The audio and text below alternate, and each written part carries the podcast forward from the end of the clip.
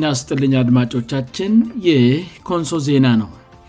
አሁን የዕለቱን አንኳር ዜና የምናቀርብበት ጊዜ ላይ ደርሰናል ዜናውን የማቀርብላችሁ የፌሎናታይኝ አብራችሁኑ ነው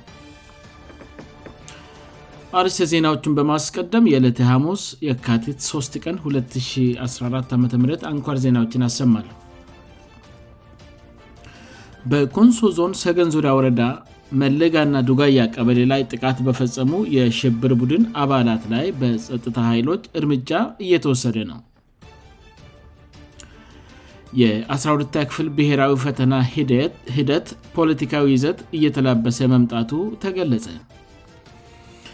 አሁን ዜናውን በዝርዝር አሰማሉ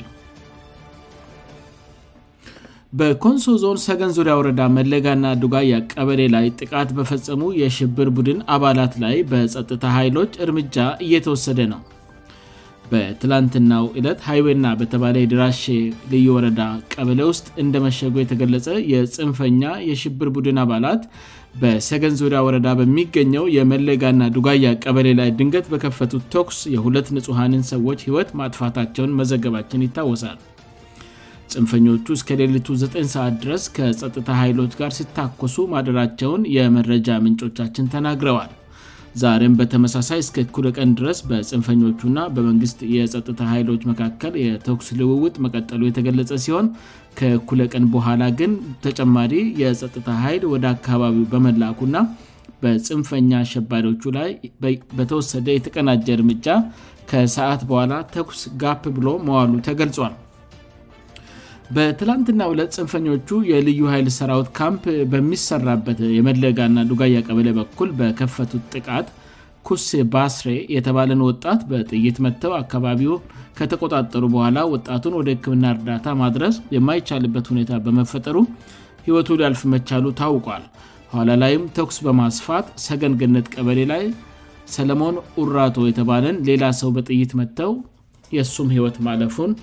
የመረጃ ምንጮቻችን ተናግረዋል ህይወታቸው ካለፈ ሁለት ሰዎች በተጨማሪ ገለበው ገመቹ የተባለ ሌላ ሰውም ከፍተኛ ጉዳት ስለደረሰበት ትላንትናሁኑ ወደ ካራት የመጀመሪ ደረጃ ሆስታል መላኩ ተገልጿል በያሸ ኩሴ የተባለ ሌላ የቀበለ ነዋሪ ደግሞ ቀኝ ታፋው ላይ በጥይት የተመታ ሲሆን ምስቱም በቀኝ ጇ ና ግራጉንጫ ላይ ከፅንፈኞቹ ጥይት ተመሳሳይ ጉዳት አስተናግዳለች በትናንትናው ዕለት በወረዳ ውስጥ በሚገኝ የመጀመሪያ ደረጃ ሆስፒታል ህክምና የተደረገላቸው ሲሆን እነሱም ዛሬ ለበለጠ ህክምና ወደ ካራት የመጀመሪያ ደረጃ ሆስፒታል በሪፈራል መላካቸው ታውቋል ትናንትና ከጥቃቱ አካባቢ ተፈናቅለው የአስተዳደር ግቢ ውስጥ ከተጠለሉ 150 ሰዎች አብዛኛዎቹ ዛሬውኑ ከጸጥታ አካላት ጋር በቅንጅት ወደ መኖሪያ አካባቢያቸው እንድመለሱ መደረጉ የተገለጸ ሲሆን አሁንም ግን ከ50 የሚያንሱ ሰዎች በአስተዳደር ግቢ ውስጥ ይገኛሉ ተብለል ተፈናቃይ ወንዶች በተለያየ መንገድ እንድታጠቁ ከተደረጉ በኋላ ከምልሻእና ከልዩ ኃይል ጋር በመቀናጀት አካባቢያቸውን እንዲከላከሉ መደረጉንና በዚሁ አግባብ ወደ ቀያያቸው መመለሳቸውን የመረጃ ምንጮቻችን አስረድተዋል ይህ በእንድ እንዳለ ፅንፈኞቹ የሽብር ቡድን አባላት ከጥር 29 እስ ካቲ 102014 ባለው ጊዜ ውስጥ የተረጋጋውን የአካባቢውን ሰላም ለማደፍረስእና ከተቻለም በሰገን ከተማ ሳይቀር ሽብር ለመፍጠር አስቀድሞው እቅድ መያዛቸውንና ይህም በጸጥታ አካላት እንድተደረሰበት ታውቋል ይሁንና ትናንት የከፈቱት ጥቃት አካባቢው ላይ ካለው የጸጥታ አካላት አቅን በላይ በመሆኑ ጉዳቱ መቀነስ አልተቻለም ተብሏል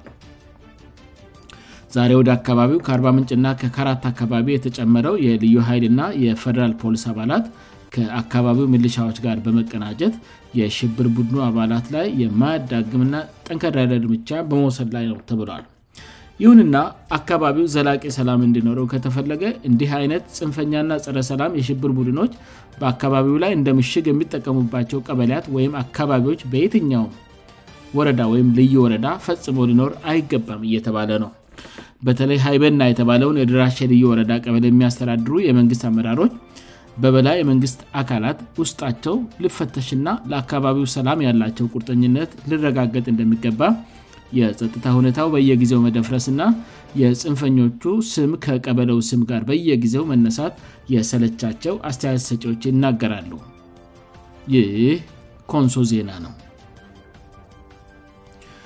የ12ክፍል ብሔራዊ ፈተና ሂደት ፖለቲካዊ ይዘት እየተላበሰ መምጣቱ ተገለጸ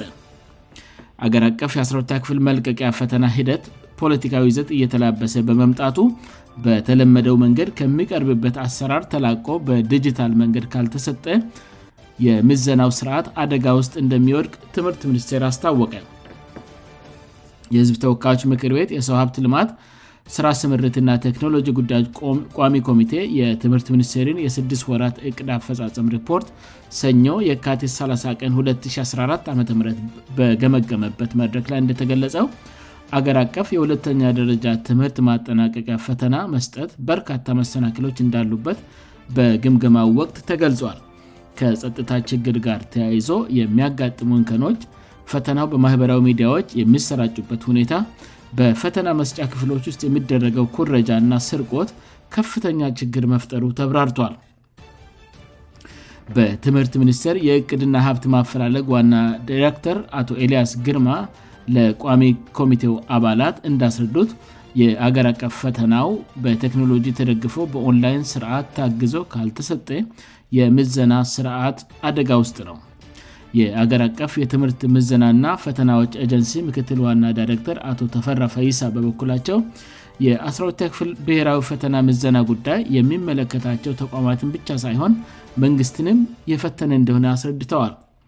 የጸጥታ ችግር ፈተናውን ለመስጠት አዳጋጅ ካደረጉት ጉዳዮች ተጠቃሹ ሲሆን ከሰሞኑ በሁለተኛ ዙር በተሰጠው የ2013 ዓም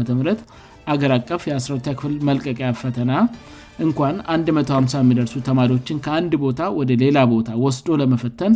ከ100 በላይ የጸጥታ ኃይል ባልደርባ እጀባ እንዳስፈለገ አቶ ተፈራ ተናግረዋል በዚህም የተነሳ አገር አቀፍ የሁለተኛ ደረጃ ፈተናን የመስጠት ስራ ከኤጀንሲው ቅም በላይ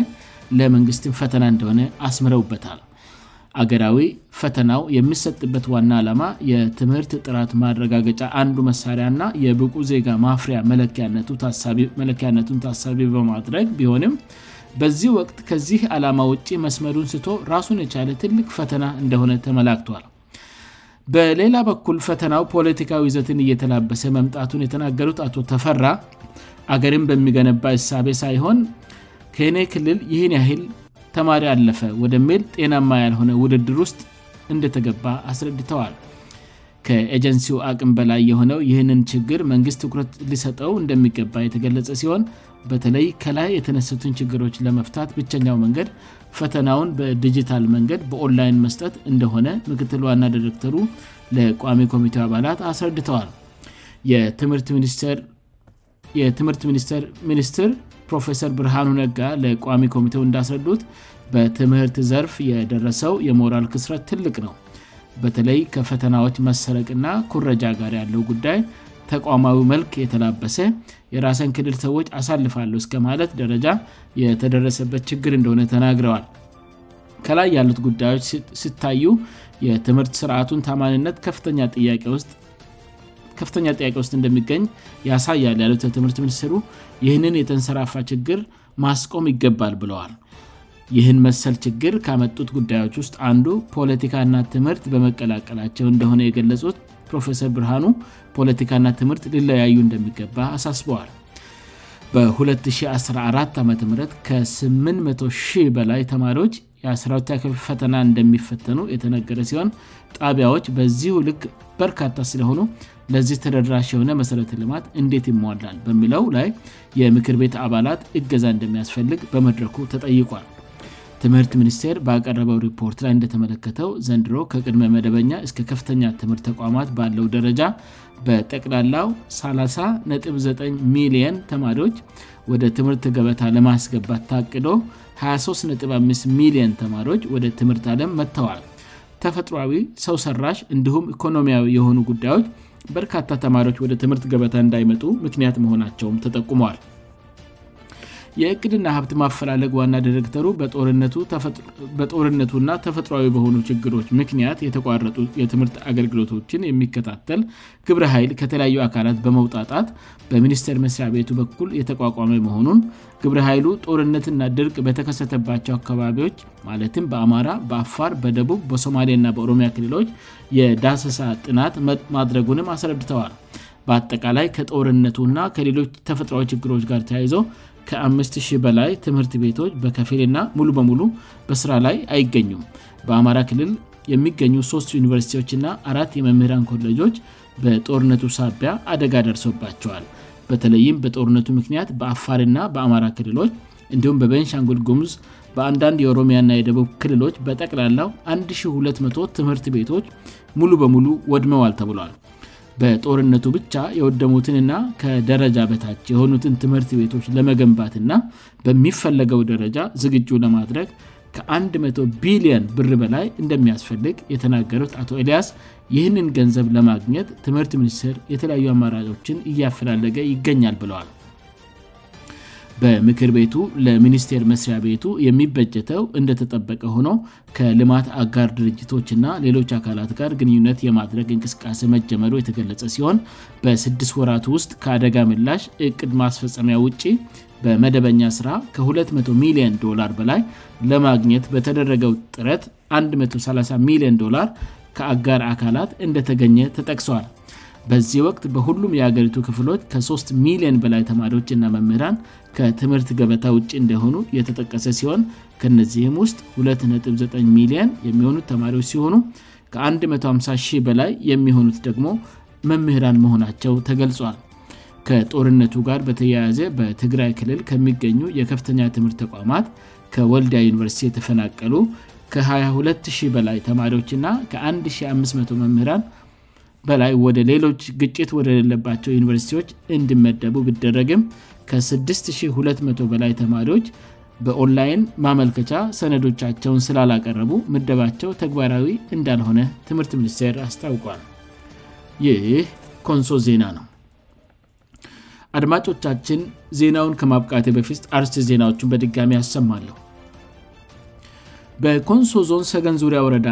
መለጋ እና ዱጋያ ቀበለ ላይ ጥቃት በፈጸሙ የሽብር ቡድን አባላት ላይ በጥታ ኃይሎች እርምጃ እየተወሰደ ነው የአስራታ ክፍል ብሔራዊ ፈተና ሂደት ፖለቲካዊ ዘት እየተላበሰ መምጣቱ ተገለጸ ዜናው በዚያ ያበቃል አድማጮቻችን የዕለቱ አንኳር ዜናዎቻችን ይህን ይመስሉ ነበር ስላዳመጣችሁን እናመሰግናለን ኮንሶ ዜና ነገም በተመሳሳይ ሰዓት እንደሚጠብቁ ተስፋ ያደርጋል እስከዚያም በደና ቆዩን